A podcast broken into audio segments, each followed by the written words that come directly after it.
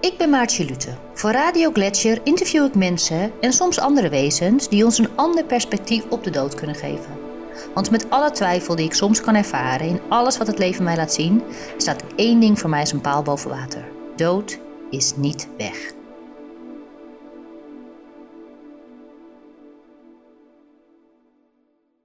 Hi Florikke. Dag Maartje, hallo. Hi. Goedemorgen. Voor ons is het morgen. Ehm, ja, wij zitten vandaag samen in een podcast.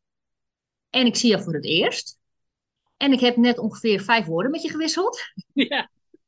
Dus ik weet nog helemaal niks. Dus dat gaan we allemaal nu doen. En ehm, de reden dat ik jou interview is omdat jij een cursus geeft zenvol omgaan met de dood en verlies. Ja. En dat doe je bij het, eh, heet het het Zen Instituut? Of hoe heet het? Zen.nl. Zen.nl Nederland. En ik geef zelf les in Zen.nl Utrecht. Oh ja, ja. En is dat een online uh, gebeuren of kunnen mensen daar ook echt heen? Uh, deze cursus is alleen online, om het ook heel toegankelijk te maken, kan teruggekeken worden. Maar wij geven ook liefst op locatie les. Dus ja. mensen komen ook naar ons toe, maar dat is dan voor meditatiecursussen, workshops, ook lezingen. Ja, ja. En ik, ik wil straks natuurlijk specifieker echt ingaan op, op uh, nou ja, hoe ga je dan zen om met de dood en wat is dat dan? Maar jullie uh, zen.nl en Zen Utrecht, um, wat, wat is de, ja, waar, waar, wat doen jullie daar? Wat is zeg maar de, is alle, alles is zen en relaxed en ontspannen? Of wat, wat wordt er gegeven? Wat willen jullie mensen brengen? Ja, een hele goede vraag. Zen, dat is altijd leuk. Hè? Dat uh, uh, roept een associatie op met uh, je zen-momentje, zeggen mensen dan. En dan een soort heel relaxed ontspannen. Um, maar wat zen, wat zen letterlijk betekent, is concentratie. En het is eigenlijk een afkorting van zen-boeddhisme. En wat wij doen, wat wij brengen, is wij um, leren mensen mediteren, zen-meditatie. En dat betekent dat je leert uh, stil te zijn met jezelf, uh, waardoor je je aandacht traint, hè? Je, je meer vermogen krijgt om aandachtig aanwezig te zijn, uh, waardoor je jezelf, ja, eigenlijk jezelf en anderen beter gaat voelen. En dat klinkt altijd gek, maar als je jezelf beter gaat voelen, um, dan ga je je ook beter voelen. Dan hoef je niet van dingen weg te lopen, dan hoef je niet dingen te vermijden uh, word je helderder in wat je wilt en niet wilt en doet en niet doet. Um, en wij combineren die, dat mediteren, hè, die, die, dat trainen van die aandacht met uh, zen-filosofie, een vorm van ja, levenskunst zou je kunnen zeggen. Dus het gaat er ook om, hè, als je dan aandachtig aanwezig bent, wat doe je met die aandacht? Uh, hè, hoe wil ik jou ontmoeten? En hoe stel ik mij op en open en hoe ga ik om met wat zich aandient? En uh, zen-filosofie, zen-beoefening is dus een hele, ja, eigenlijk een hele praktische vorm van hoe leef ik, hoe wil ik leven en ja, hoe doe ik dat iedere dag weer. Dus er komen mensen bij ons, er komen studenten met studiestress, die, die soort zoeken hoe ga ik ermee om. Er komen mensen in het midden van het spitsuur van het leven, kinderen, ouders die ouder worden. En ja, hoe blijf je overeind? Hè? Hoe, hoe bewaar je je rust in al die stormen? Maar er komen ook mensen die zeggen: Ja, ik heb, ik heb eigenlijk alles en het bevredigt me niet. En die zoeken um, ja, eigenlijk verbinding met zichzelf, met het leven. En ja, dat, dat door stil te gaan zitten, um, ga je dat in je leven ervaren. Ga je, ga je dat. En dat vind ik dus wel grappig. Kijk, ik geloof hier, of geloven, nou ja, ik, ik, uh, heb, ik ervaar dat dit klopt en dat dit zo werkt inderdaad. Maar hoe kan het dan dat als jij in je eentje stil gaat zitten, hoe heeft dat nou effect op die drukke buitenwereld? Het is, het, je zou kunnen zeggen, ja, lekker makkelijk in je eentje, lekker rustig zitten. Ja, dan kan ik ook wel alles aan. Totdat ja. het weer spitsuur is en hier loopt schreeuwen te doen en de broodtrommels moeten gemaakt worden. Dus hoe kan het nou dat als je alleen zit, ja. dat je dat traint? Ja, hele goede vraag. Ik denk de, de simpelste vergelijkingen, dat is dan even een vergelijking, is als je gaat, uh, je gaat naar hardlooptraining of je gaat naar de sportschool. En dat doe je op de sportschool. Maar zodra je moet rennen om de bus te halen, denk je, oh, ik heb hem gehaald en ik ben niet eens buiten adem. Uh, dus in je eentje op een kussen zitten, uh, iedere dag. Hè. Het is wel training, dus wij raden mensen aan twee keer per dag 20 minuten. Dat is best pittig. Alles is meegenomen hoor, dus, maar dat raden we aan. Uh, je zou kunnen zeggen, je traint daarmee je, ja, je mentale conditie, je veerkracht. zeg over, je hebt meer ruimte, dus dan dat spitsuur hè, van dat, nou wat je zegt, de ontbijttrommels en alle boel. Um, als ik helemaal meega in die drukte, dan word ik er zelf ook gek van. En dan, ah, dan overvalt het je. Maar als je daarin iets kan behouden van kijken, oh ja, wat is er allemaal gaande? Kom erop. Dan, hè, we noemen het wel eens, dan kun je het oog van de orkaan blijven. Ja. En dat is, en dat is, dat klinkt gek, maar dat is training. Dan overkomt het je minder, maar je kan meer voelen, oh hier sta ik. dus soms is de beoefening ook zo praktisch als dat je in die keuken staat en het is heel druk, of je zit in het verkeer en alles gaat om je heen. En dan je realiseren, oh, voel ik mijn billen of voel ik mijn voeten nog steeds? Ja. En dat is zo klein en het is zo'n wezenlijk verschil voor je leven als je je voeten kan blijven voelen. Ja, mooi. Het is meer dat je, dat je een beetje toeschouwer wordt van de situatie. In plaats van dat je er echt in meegenomen wordt. Ja, je, je verzuimt minder. Het is wel leuk, jij zegt uh, twee keer twintig minuten. Hè? Dat klinkt natuurlijk heel, heel lang, maar wat je ook vaak hoort over meditatie, als jij geen twintig minuten per dag de tijd hebt om te gaan zitten, dan moet je 30 minuten gaan zitten. Ja, dat vind ik altijd wel grappig. Ja. ja.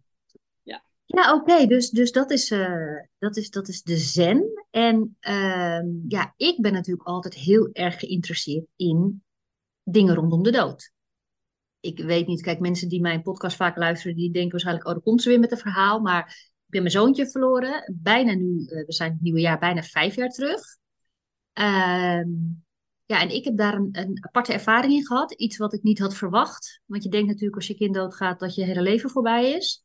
En ik heb eigenlijk iets ervaren waardoor het juist helemaal niet voorbij is, maar waardoor voor mij eigenlijk het leven waardevol werd en mooier werd. En toen ben ik gaan uitzoeken, wat is hier gebeurd? Hoe kan dit nou? ik ben er onder andere achter gekomen dat, dat de dood niet, je bent niet weg als je dood bent. Voor mij was er ineens contact mogelijk. Dat had ik daarvoor niet, maar dat merkte ik. Ehm, ja, en ik ben gewoon op onderzoek uitgegaan. Wat, wat, wat is dat dan? En, en zo kom je op steeds meer ja, paden en dingen terecht. En dus nu bij jou. En uh, op Nel Magazine hebben we ook een uh, blog over jullie geschreven. Zen vol omgaan met de dood. Dus heb jij zelf ook iets met de dood? Afgezien van dat we dat allemaal gaan op een gegeven moment. Maar heb jij uh, naast de interesse in de zen ook een specifieke interesse in de dood? Ja, ja? een, eh, een, een, totaal ander pad dan dat van jou. Want ik denk dat ik een jaar of, moet ik denken, is tien, bijna vijftien jaar geleden. Ik, dat ik mij realiseerde dat ik eigenlijk alleen maar mijn opa en oma's dood had zien gaan, zo ongeveer. En ik, op een bepaald moment vond ik dat wat beangstigend dat ik zo weinig dood in mijn leven had meegemaakt. Uh, en toen dacht ik, ik wil, ja, dat klinkt gek, maar ik wil dat, ik wil dat naderbij hebben. Uh, toen ben ik begonnen als vrijwilliger in Amsterdam uh, met, bij mensen die thuis sterven de mantelzorger ondersteunen. Zomaar? Was je al verpleegd? Nee, nee, nee. En, en gewoon als vrijwilliger. Dus dat was ook vooral kopjes thee zetten of afwasjes doen. Zodat de mantelzorger even een boodschapje kon doen. En dat je, ja, dat je erbij bent. Dus niks in de zorg. Hè. Dat heb ik, daar heb ik ook geen achtergrond in. Um, maar gewoon om nabij te zijn. En ik vond dat heel, ja, ook heel mooi om daarin te stappen in iets wat beangstigend kan voelen als je aan de buitenkant staat. En dan erin stappen en denken, ja, maar dit zijn mensen en hier wordt geleefd. Uh, en dat was ook heel mooi. Um, en daar, omdat ik verhuisde en andere dingen ging doen, ben ik daar weer mee gestopt. En toen ben ik een opleiding gaan doen, stervensbegeleiding. Gewoon echt ook om juist er vertrouwd mee te raken. En die opleiding heeft enorme indruk op me gemaakt, want ik dacht, je leert hier eigenlijk gewoon leven. Ja. En dat zat hem voor mij in dat je leert om uh, eigenlijk een soort basishouding bij alles wat er gebeurt aanwezig te kunnen zijn. En dat is soms al gek genoeg een klus als het fijne dingen zijn. Hè? Want hoe vaak schiet je niet al weg terwijl je iets leuks aan het doen bent? Maar en wat bedoel je met wegschieten? Ik snap ja, wat je bedoelt. Maar... Ja, ehm, dat je, ehm, ik vind altijd bijvoorbeeld, je bent naar mooie muziek aan het luisteren en je bent ondertussen gewoon de boodschappen voor de kerst aan het bedenken. Ja. Eh, eigenlijk afgeleid door je eigen gedachten. Afgeleid door je eigen gedachten in het verleden, in, het, in de toekomst, maar niet hier. Ja. Ja. En ehm, eh, dus dat is bij leuke dingen missen we gewoon eigenlijk al een hoop in ons leven omdat we afgeleid zijn. Maar gek genoeg is juist bij die moeilijke dingen ook nog veel belangrijker om daarbij aanwezig te zijn. Om ze gewoon vol te ervaren, omdat dan, hè, wat ik al bij die eerste mantelzorgers ontdekte, als ik er gewoon bij ben, dan is het ook niet eng of beangstigend of overweldigend. Maar ik kan er zijn. En als ik er kan zijn, dan voel ik, ik voel mijn leven ten volle en ik ontmoet jou ten volle. Ja, want dat is ook vaak wat er dan, ja, wat jij noemde al verbinding. En als ik zelf ontspannen aanwezig ben, dan voel ik me ook verbonden met, met jou, met anderen, met de wereld. Uh, en ja, dat, hoe meer wil je leven. Dus voor mij was dat een enorme ontdekking. Um, en ja, dat, dat um, ik heb nog steeds niet heel veel dood in mijn leven, maar dat is wel een houding die ik heel erg heb meegenomen. En van ik denk, ja, dat, dat, daar kunnen we allemaal van leren. Ja. En is dat dan ook. Um, was het zeg maar dat je eerst geïnteresseerd was in de dood en daarna in het zen of andersom? Of, of hoe heeft dat elkaar. Was het van hé, hey, ik ben aanwezig en dat brengt mij dus iets? Wat, wat, wat doe ik nu hier? Hè? Dat is eigenlijk bij mij gegaan. Er gebeurt iets, maar wat? Ja. Hoe is dat gegaan? Ja, bij mij was het pad. Um, ik ging eerst mediteren, eerst de zen. En dat was eigenlijk een heel pragmatische, uh, um, beetje als uh, om te voorkomen dat ik burn-out zou raken. En dat werkte heel goed en dat was heel fijn, maar ik kwam ook heel snel op die laag van. Um, ik wist niet dat je stilte zo nodig kon hebben in je leven. Maar ik kon dat echt tot in mijn vezels ervaren dat het me heel erg goed deed. Dus ik ben ook heel erg daarna gaan, ja, meer gaan zoeken, meer gaan lezen. Um, ik heb een jaar in een zenklooster gewoond. Ja, wil ik zo nog meer over horen. Ja, ja. dat was een heel bijzondere ervaring. Ja. En, en dat was ook een plek waar de dood heel nabij was. Dus ik heb daar begrafenissen meegemaakt. Op het terrein was ook een begraafplaats. En daar was ook, de, ja, de dood en leven horen, ja, horen bij elkaar. Die kunnen niet zonder elkaar. Um, en ik denk dat die ervaring me enorm gevoed heeft. Toen ik terugkwam uit het klooster ben ik vrijwilliger geworden. En dacht ik, ja, ik, ik dit, ik wil me hiervoor openstellen. Ja, ik wil, hè, voor mij um, is belangrijk om, ik noem het, mensen een thuis kunnen geven. Dat is wat mij motiveert. En een thuis bedoel ik mee dat je vertrouwd bent, kunt zijn met jezelf en waar je nu bent. Een, gevoel van thuis betekent, ik ben hier en het is goed. Um, en in zen wordt doodgaan ook wel naar huis gaan genoemd. Dus het ultieme thuis. Ja. Um, en als we dat in ons leven kunnen vinden, in ons leven en in het sterven, nou dat is wat mij motiveert. Ja. Ja, want hoe, hoe zie jij de dood dan? Wat, wat denk jij? Uh, ik, ik heb het ook vaak over naar huis gaan. Dat ik zeg, ja, eigenlijk is dat de basis. We zeggen altijd, uh, als mensen zijn overleden, hen die ons ontvallen zijn. Maar eigenlijk zijn wij even ontvallen, want wij zijn even hier op een soort van field trip. En dan gaan we straks weer daarheen. Um, ja, en, en voor mij ben je dus gewoon nog steeds aanwezig. Niet meer in dit lichaam, maar je gaat gewoon verder. Is dat iets wat jij ook op die manier ziet? Of hoe kijk jij daar tegenaan? Ja, um, ik, ik hou me dan meestal richting de woorden van Boeddha heeft ooit gezegd, dat, dat weet ik niet. En, en daar doe ik dus in die zin geen uitspraken over. Dus ik, ik weet het niet. Um, wat ik voor mezelf altijd wel een beeld vind wat ik gebruik is uh, bijvoorbeeld, hè, je, je, we zijn allemaal zo'n druppel die in een vijver valt en die altijd doorrimpelt. En dus uh, wij maken nu al rimpels. Hè? We maken nu best wel uh, grote rimpels met z'n tweeën. Uh, maar die, dat gaat door. Dus in het leven, in de dood blijven wij doorrimpelen. Wij leven in elkaar verder. Wij leven verder in de dingen die we achterlaten. Wij leven ook verder in de.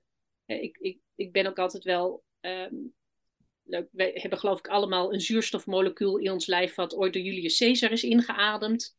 dus gewoon een soort hele. Ehm, eh, ook bijna materiële verbondenheid met wij, wij, wij zijn elkaar. Hè? En voor mij is dood ook het besef dat ik nu niet een afgescheiden eenheid ben. Dus ik, ik ben niet iets wat losstaat in de wereld, maar ik ben iets wat volledig verbonden is met de wereld. En als ik dat kan gaan ervaren, dan gaat, wordt dood ook een ander perspectief op leven. Dat zeggen ze ook wel eens. Ik ga niet in deze vorm verder, maar mijn materie gaat verder, mijn ideeën gaan verder, mijn energie, als je het zo wil zeggen, gaat verder. En of dat dan een zuurstofmolecuul in jouw long is, of dat ik in een boom doorgroei. Of Hoe bedoel je een zuurstofmolecuul? Ik snap hem niet. Ja, dus heel, heel, gewoon heel letterlijk. Hè? Wij, wij ademen in en uit. Ja, ja.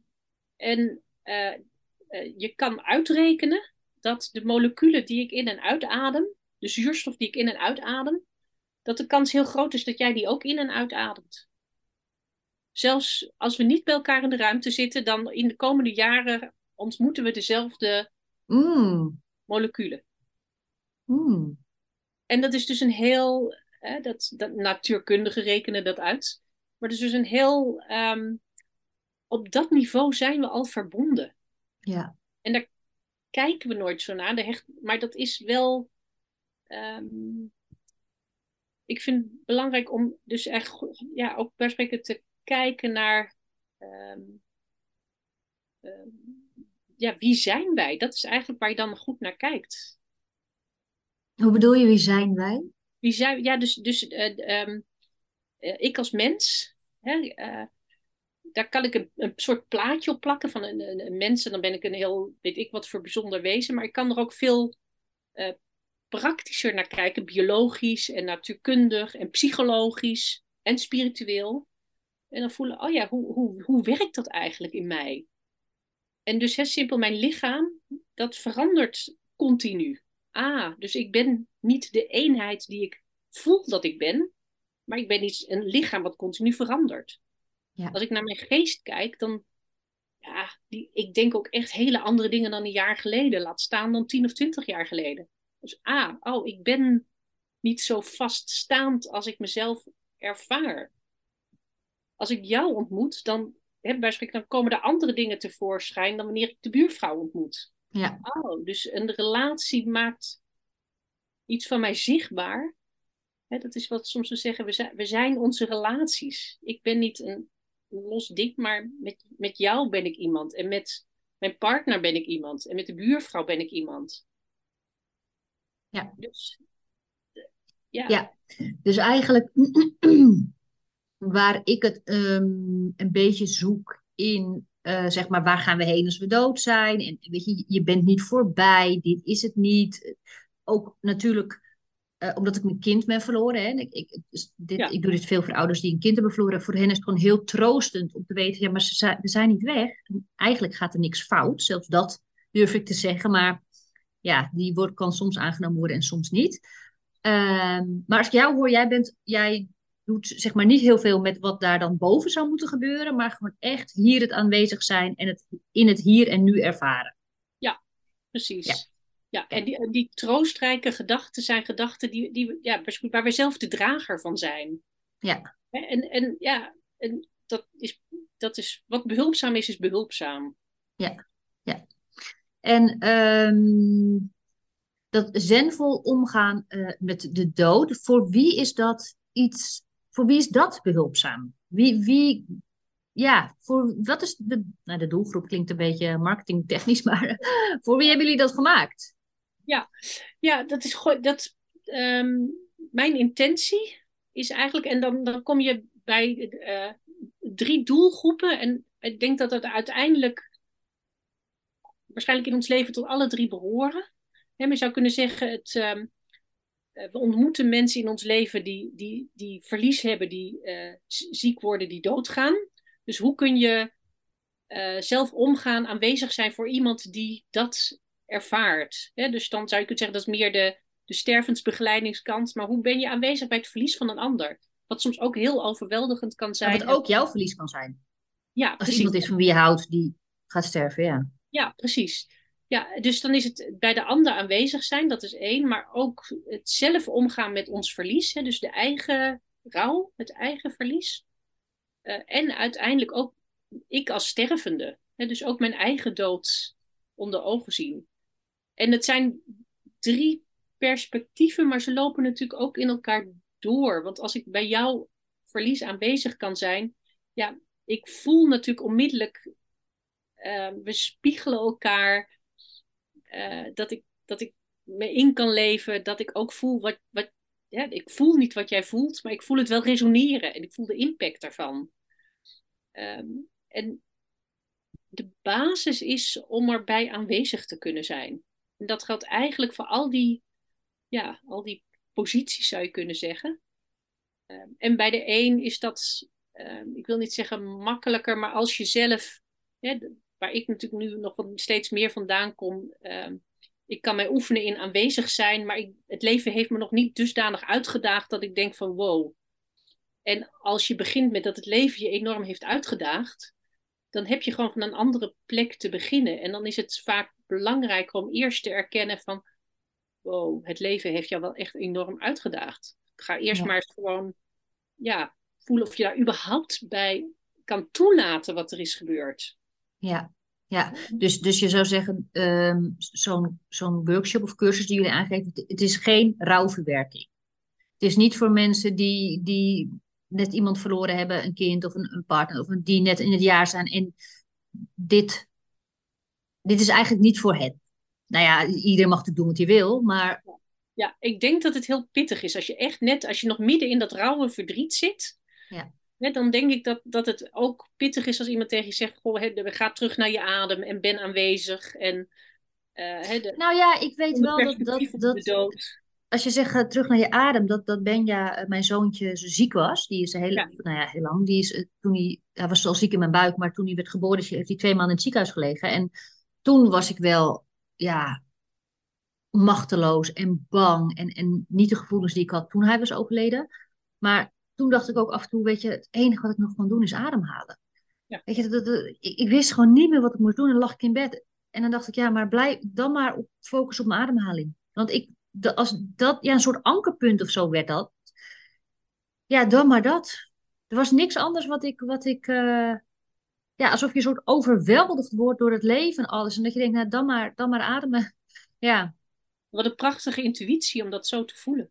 Ja. Ja.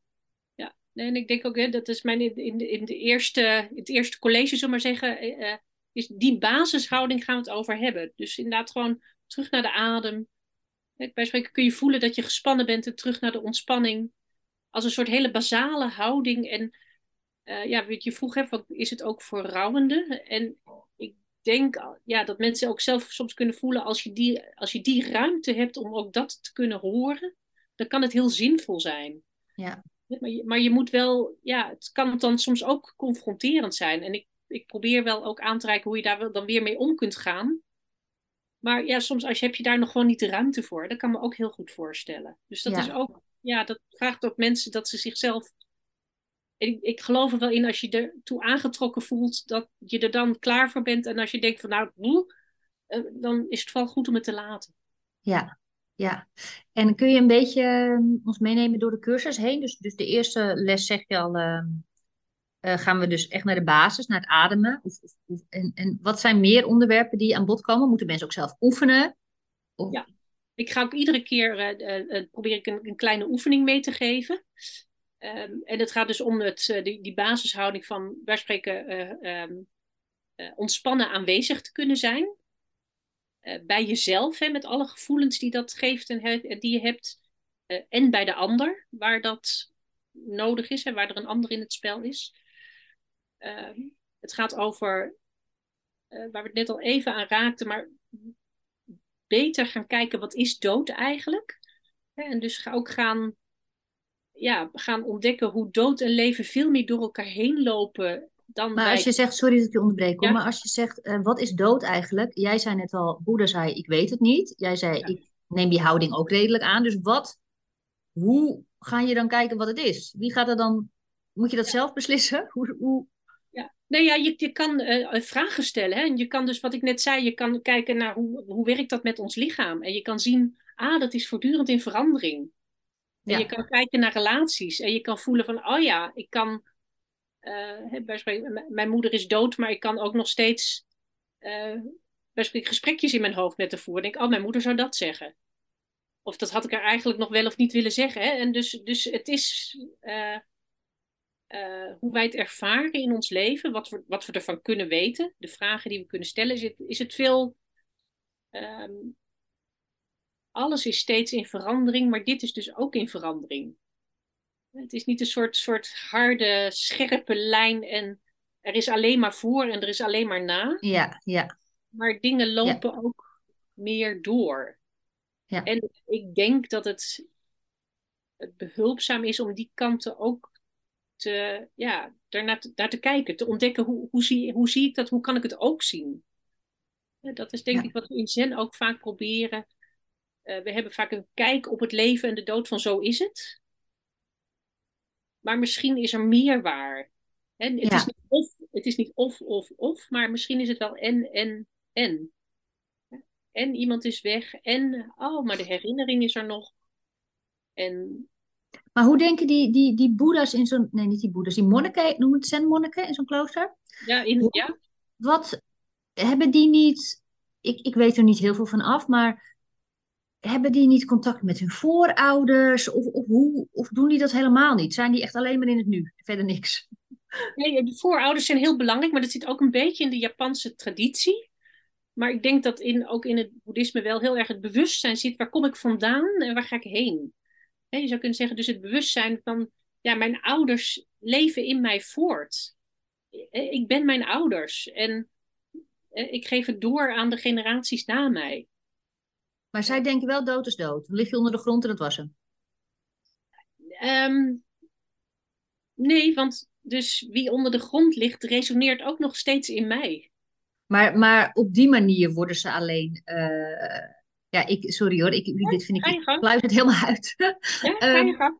Eh, kijk, ik snap natuurlijk dat ik. bedoel, mijn zoontje is overleden en ik heb een beeld van hem. Of een beeld, nou ja, hij werd twee maanden oud. Maar.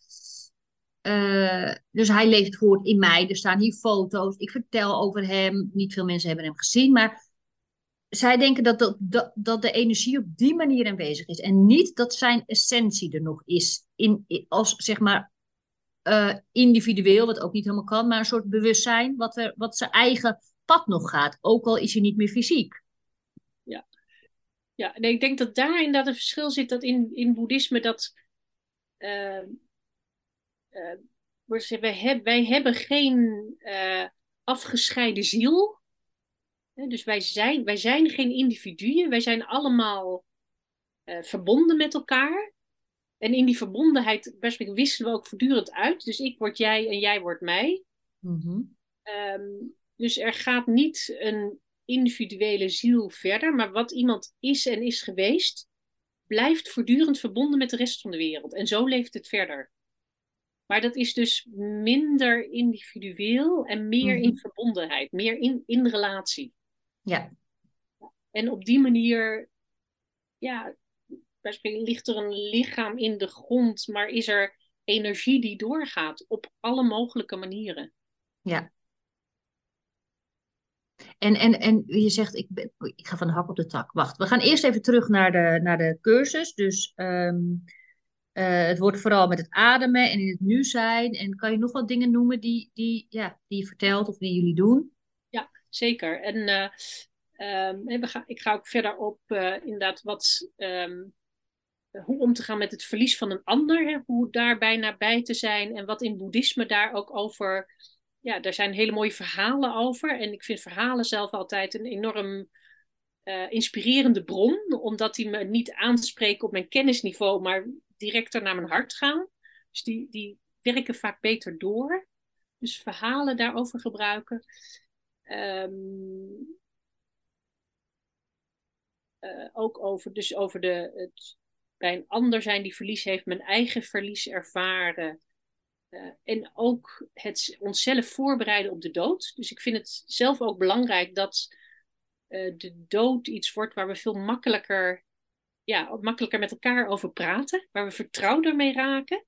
Zodat ook, ik, ik, ik weet niet of ik het goed voel, maar ik, ik heb veel mensen die ik spreek. En met name vrouwen die jong een kind zijn verloren. Of door al uh, in de baarmoeder overleden of kort na de geboorte. Uh, ik voel daar zoveel uh, verdriet bij. En ik voel soms, dat is soms na twintig jaar nog. En ik denk soms, oh, waar deel je dit nog? Hè? Dus hoe, uh, hoe zeer mag het er zijn? Gewoon als, hè, dat, dat is het dilemma wat je vaak hoort van vrouwen. Van ik heb, hè, ik heb drie kinderen. Uh, of hoeveel kinderen heb je en wat zeg je dan? Twee of drie? Ja. En, want dan moet je dat uitleggen en dat is ongemakkelijk en dat ongemak vermijden we. En mijn, mijn missie is dat dat ongemak, dat we daar vertrouwder raken met dat ongemak. Zodat het gezegd kan worden. Zodat het niet een vastzittend verdriet in jou hoeft te worden. Maar dat dit iets kan zijn wat altijd pijn doet, maar wat ook stroomt. En wat dus ook ja, gewoon deel is van het leven. Ja. Um, dus dat vertrouwd raken met de dood op alle mogelijke manieren is ook een, ja, een, een onderstroom uh, in, de, in de lezingen. Um, en uiteindelijk, uh, dus met al het verlies met de dood, uh, eindig ik met een soort verhaal. Dat in Zen is er een beeld dat heet met lege handen naar de markt gaan. En in onze westerse uh, denken is met lege handen, ja, dan sta je machteloos. Hè? Dus dan, ja, wat, dan kun je niks. En in de Zen-filosofie betekent met lege handen, ik ben helemaal beschikbaar voor wat zich aandient. Ja, mooi. En dat vind ik een hele mooie houding. En dan kun je alles in het leven ontvangen. Ja. Nou, dan is eigenlijk de cirkel weer rond met ontspannen aanwezig zijn, maar dan via de reis van verlies en dood weer terug naar onze aanwezigheid. Ja, mooi. Ja, de, een van de, de, er zijn mij heel veel dingen verteld, zeg maar, ook mijn onderzoek naar in dit uh, gebied. Maar ook dat een van mijn coaches op een gegeven moment zei: uh, gevoel is er om gevoeld te worden. Daarom is je gevoel er. Dat wil gevoeld worden. Ja, of je het nou leuk vindt of niet. Maar dat is, dat is de functie van gevoel. Dus ga het maar voelen. Ja. Ja, ja. ja. ja. prachtig. Uh, heel mooi advies. En ik denk ook hè, dat we dat, dat vinden we vaak eng. En ik denk ook, ik heb dat in mijn leven helemaal niet goed geleerd. Hè? Hoe voel je goed? Ja. Maar gewoon gaan zitten en, de, en ja, waarnemen wat er gebeurt. Um, dat doet je vaak ook heel goed voelen. Dat is ook, dan, dat, kunnen we, dat kunnen we dragen. Ja. Ja. ja.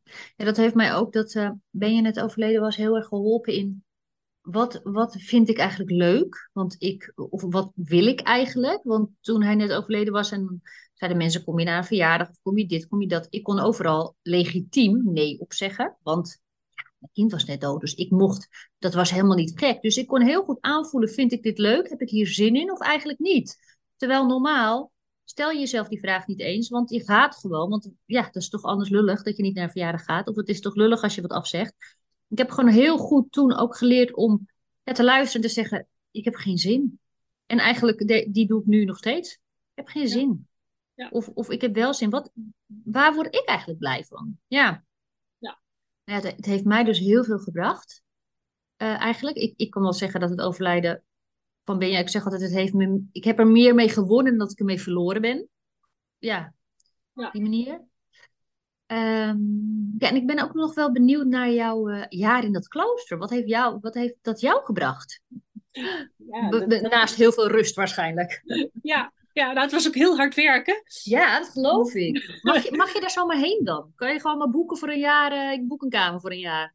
Ja, nou, ja bijna soort van. Ik werd in intakegesprekken, dus werd wel uh, goed op mijn motivatie bevraagd. En uh, ik moest eerst voor een maand komen. En aan het eind van die maand werd, werd gekeken, mag ik blijven?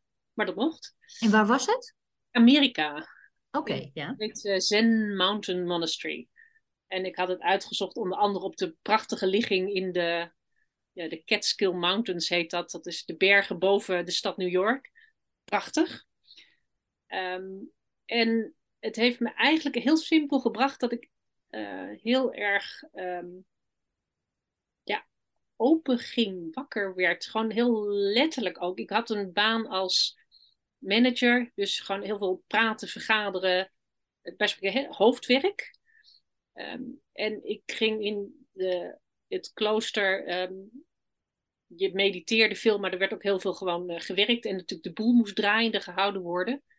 Uh, en ik werd iedere dag aan de keuken toegewezen. Dus ik heb immens veel afgewassen en uien gesneden. En uh, zakken rijst naar de kelder gesjouwd en weer omhoog. En gekookt en taarten gebakken. En gewoon heel letterlijk, mijn zintuigen, alles ging open. Dus ja, als je het hebt over levend worden, dat was gewoon echt wakker worden, levend worden en, ja, en gewoon daar zijn. En ik heb enorm ook gevoeld van, oh, het is echt een hele goede plek. En, en ik zou hier wel willen blijven. En um, ik zit nu in Utrecht aan de Amsterdamse straatweg. En voor mensen die Utrecht een beetje kennen, zegt dat dat is de drukste straat van Utrecht. En ik, maar hier is het nodig.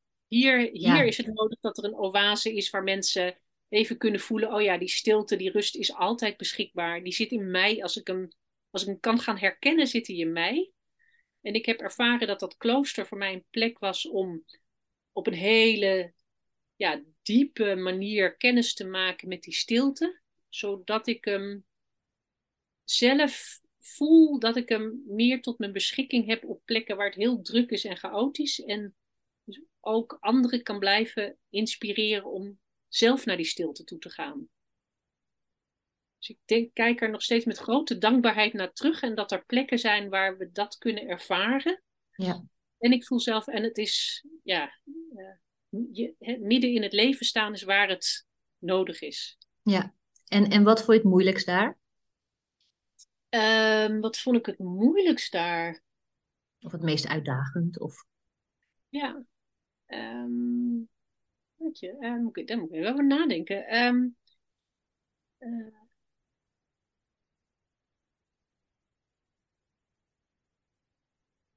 Ja, het, het, ja, het is geen, dat, zegt wel wat. Daar moet ik heel erg over nadenken. Omdat ik heel erg heb ervaren hoezeer het... Je bent daar met een groep mensen en ook al verandert die steeds... Je wordt zo gedragen. Dus ik kan wel zeggen, ja, weet je, er waren natuurlijk wel meditatieperiodes dat mijn been heel erg pijn deed. En de wekker ging soms om drie uur s ochtends. Nou, dat vond ik ook echt wel heel vroeg. En... Ik noem dat s'nachts hoor. ja, heb je er wel een nacht. maar ja, dat was allemaal eigenlijk, ging dat zo, uh, omdat je dat met elkaar doet en met een groep mensen bent die dat allemaal aangaan, um,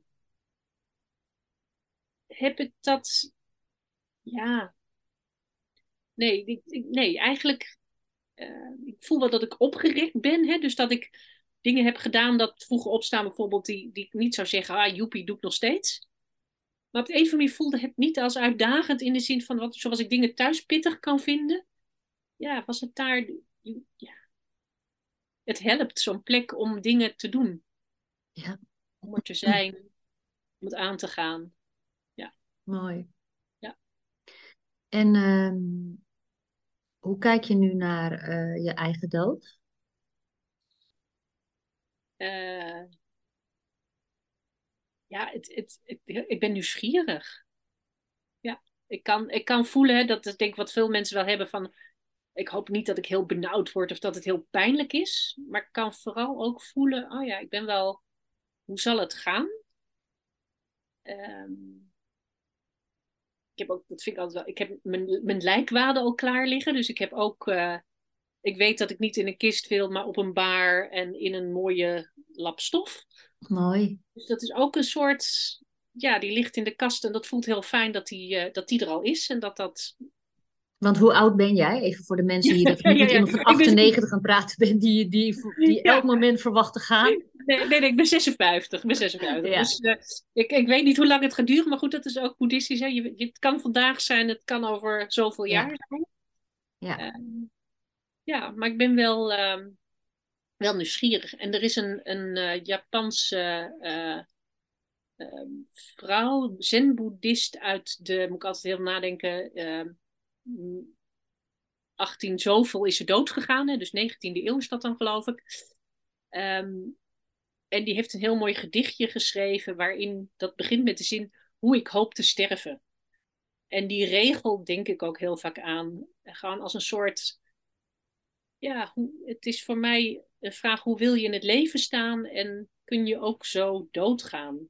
En we hebben het niet in de hand en je hebt het niet onder controle. En me die vraag stellen, is me erin oefenen. En, ja, dan, en dan, kan ik, dan ben ik nieuwsgierig.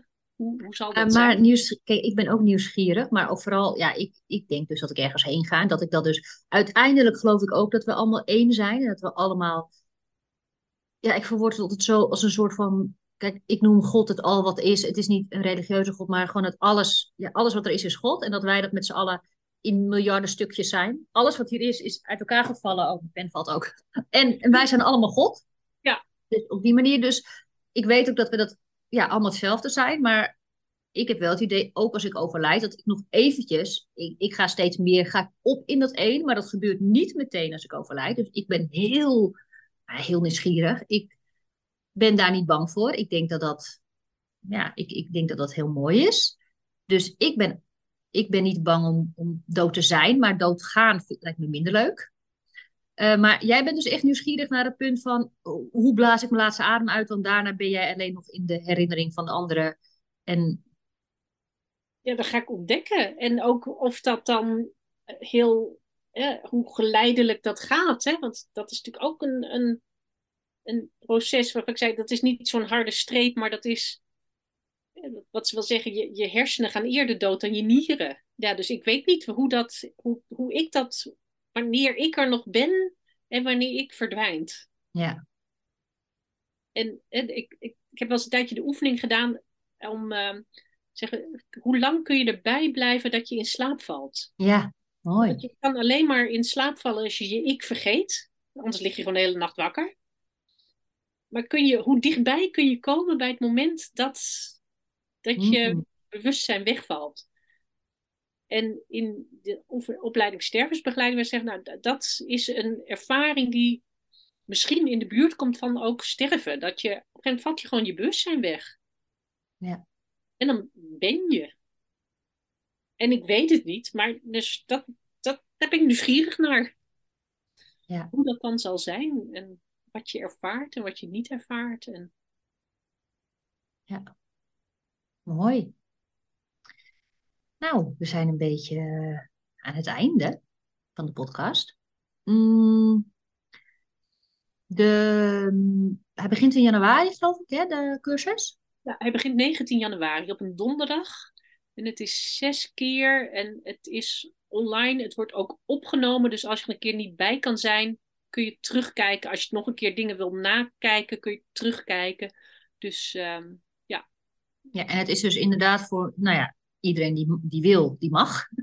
maar het is inderdaad mensen die gewoon ook wel geïnteresseerd zijn in de dood en de stervensbegeleiding. Het is niet echt voor mensen die diep in rouw zijn, dat mag ook, maar het is geen rouwtherapie. Dat is het niet? Nee, zeker niet. Nee. Nee. Oké, en mensen kunnen naar www.zen.nl? Ja, www.zen.nl. En dan is er een agenda of cursussen als uh, tabblaadje. dat kan ik nog even opzoeken. Ja, ja zen.nl. En dan in de agenda zie je het uh, vrij snel staan. Ja. En, en um, deze is dus online. Doen jullie ook wel eens echt live dingen hierin? met rouw? Of, of um... dat hebben we. We hebben wel verschillende workshops, maar nog niet expliciet over rouw. Um, maar dat zou zomaar kunnen dat dat ook nog komt. Dat is ook een beetje voelen hoe verder vanaf hier. Ja. ja. Maar dat is wel een thema waar we het wel ook uh, uh, ja, over hebben. Of dat niet ook de moeite waard is om dat verder uit te, ja. brengen. Mooi, Floor. Ja, ja, en uh, ben ik iets vergeten te vragen? Ik denk dat we heel veel besproken hebben. En uh, ja, het voelt heel uh, een, een rond en rijk gesprek. Mooie ja? vragen. Ja. Mooi. Nou, dankjewel. Ik hoop dat, uh, dat mensen jullie weten te vinden. En dankjewel voor je aandacht, Floor. Dankjewel, maar je heel graag gedaan. En dankjewel voor jouw aandacht en voor de uitnodiging. Heel fijn. Dankjewel.